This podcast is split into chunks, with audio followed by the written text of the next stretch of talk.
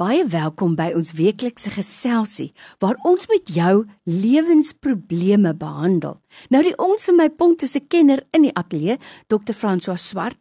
Hy's 'n kliniese en pastorale terapeut en ons kry ons onderwerpe by jou, by die luisteraar. SMS'e of WhatsApps wat jy instuur en dan probeer ons om vir jou hulp te gee oor die probleme wat jou lewe raak.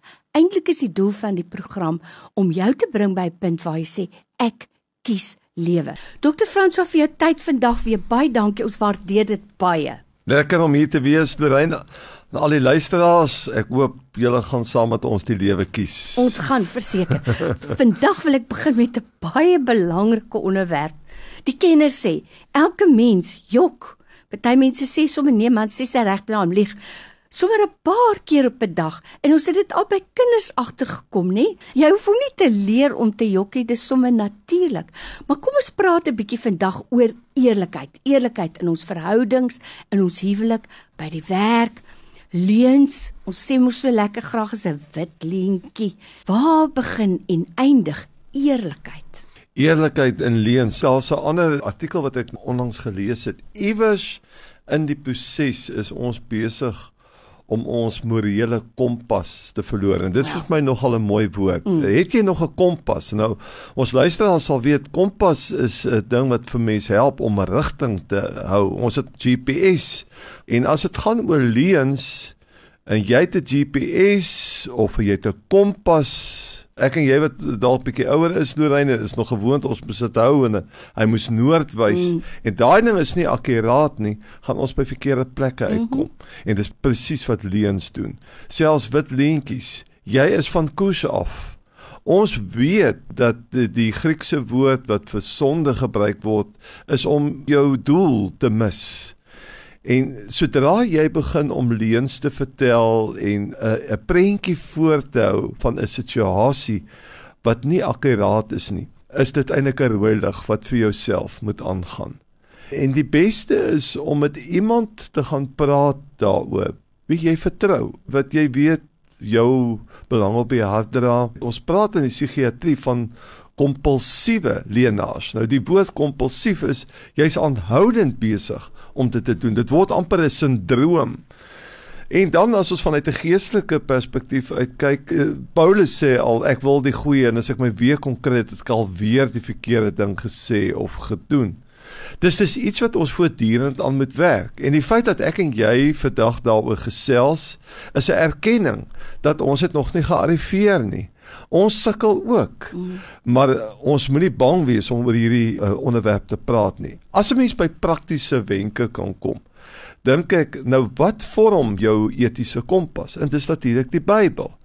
En wat 'n baie goeie oefening is. Ons weet van die 10 gebooie. Ander ouens verwys daarna as die 10 woorde van God wat die fariseërs gevat het en omskep het in 600 meer as 600 wette wat die mense van hulle tyd baie swaar laat kry het. En toe het Jesus in Matteus 5 tot 7 gekom met die bergrede en gesê hoe moet ons prakties lewe? En hy sê snaaks so goed vir ons, ons met 'n tweede myl saam met ons vyande stap. Ons moenie so bekommerd wees oor môre nie, maar hy praat daar oor ons soort van lewe. Maar rondom ons onderwerp van leuns is dat jy vir jouself 'n credo opstel.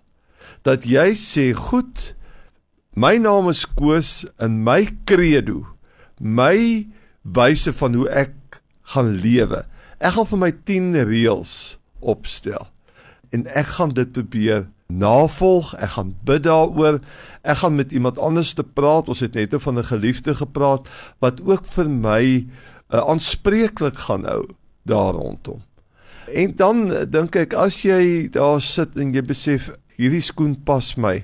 Ek vertel te veel leuns. Jy kan altyd 'n nuwe blaadjie mm. omslaan, gaan na die kruis toe, gaan lê dit aan die voetenend van die kruis neer en vra vir die Here.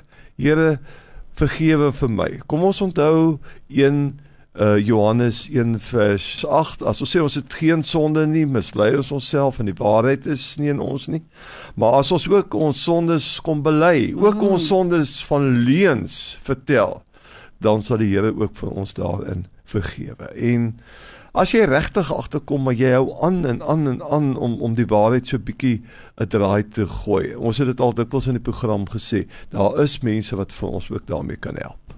Nou dokter François, ek wonder of ons altyd besef hoe belangrik is die ouerhuis, die vormingsjare van 'n kind. As 'n kind agterkom dat 'n ouer nie heeltemal eerlik is nie, dat dat dit daar al gevorm word dat 'n mens met die waarheid so bietjie skuins omgaan En dan natuurlik is leen soveel meer dit kom uit die ou mense het altyd gesê as jy kan lieg kan jy steel. Ja, dis baie keer die beginpunt dat jy dan na erger goeders toe op weg gaan. Nou ons werk nie met groot en klein sondetjies mm. binne ons uh, geloofsraamwerk nie. Maar die punt is jy kom met ietsie weg en dit is nie so erg nie en dan raak dit erger. Ek is bly jy noem van ouers. Ouers sê baie keer maak soos wat ek sê, maar moenie maak soos wat ek doen nie. Uh ons as ouers het 'n geweldige rol dat ons die heeltyd sê ons wil graag as ons 'n storie vertel, dit so akkuraat as moontlik oor vertel. Dis ons moet dit modelleer vir die kinders. En op 'n speelse manier sê, vertel net weer vir my hoe het hierdie storie gebeur? Mm. Dis mos nie heeltemal nie. Mm. Vertel weer vir my en maak vriendelike korreksies en sê jy moet mooi dink voordat jy praat en sorg dat jy dit mooi deurgee. Dr. François Swart by my in die ateljee is pastoraal en kliniese terapeut en ons praat vandag oor leuns. Nou jy weet Dr. François, leuns is soveel meer as net om nie die waarheid te praat nie. Ek kan ook nie die waarheid doen nie. As ek by die werk is en ek gebruik die werk se telefoon vir my eie persoonlike gebruik of die werk se tyd om my eie werk te doen of ek vat 'n pen van die werk af huis toe en ek bring hom nie weer terug nie. Dit sny soveel dieper ten slotte net. Ons sê tog mos nou kies lewe. Nou wat jy nou nou net gesê het resoneer baie mooi by my en dit is dis nooit te laat om 'n nuwe begin te maak nie, maar dit kom by 'n besluit. So kom ons help iemand vandag wat sê ek wil van vandag af eerlik lewe. Waar begin ek? Ja, ek dink wat jy die voorbeelde wat jy genoem het, is eintlik steel, nê. Nee. As jy by die werk is, die data, jy stel lank op die telefoon, jy gebruik van die skryfmateriaal. Dis klein goedjies en dat jy vir jou daarin begin dissiplineer. Leens kan aanleiding gee het ons gesê tot erge goed. En dit is steel. En dat ons meer presies sal wees uh veral by die werk en met die werk se goeders met die werk se tyd. In alles wil die Here hê. Met ons koninkryksmense wees? Ons is in die koninkrykstyd op die oomblik. En dat ons lig so sal skyn dat ons ook gemaklik is met ons eie gewete.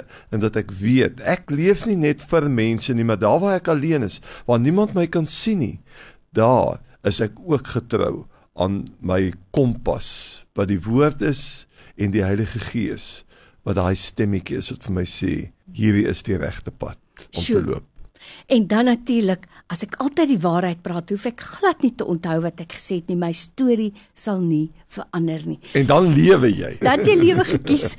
Dr. Nee. Franjo, vir jou tyd vandag weer. Ons waardeer dit so baie. Baie dankie. Dankie Lorraine en groete aan al die luisteraars.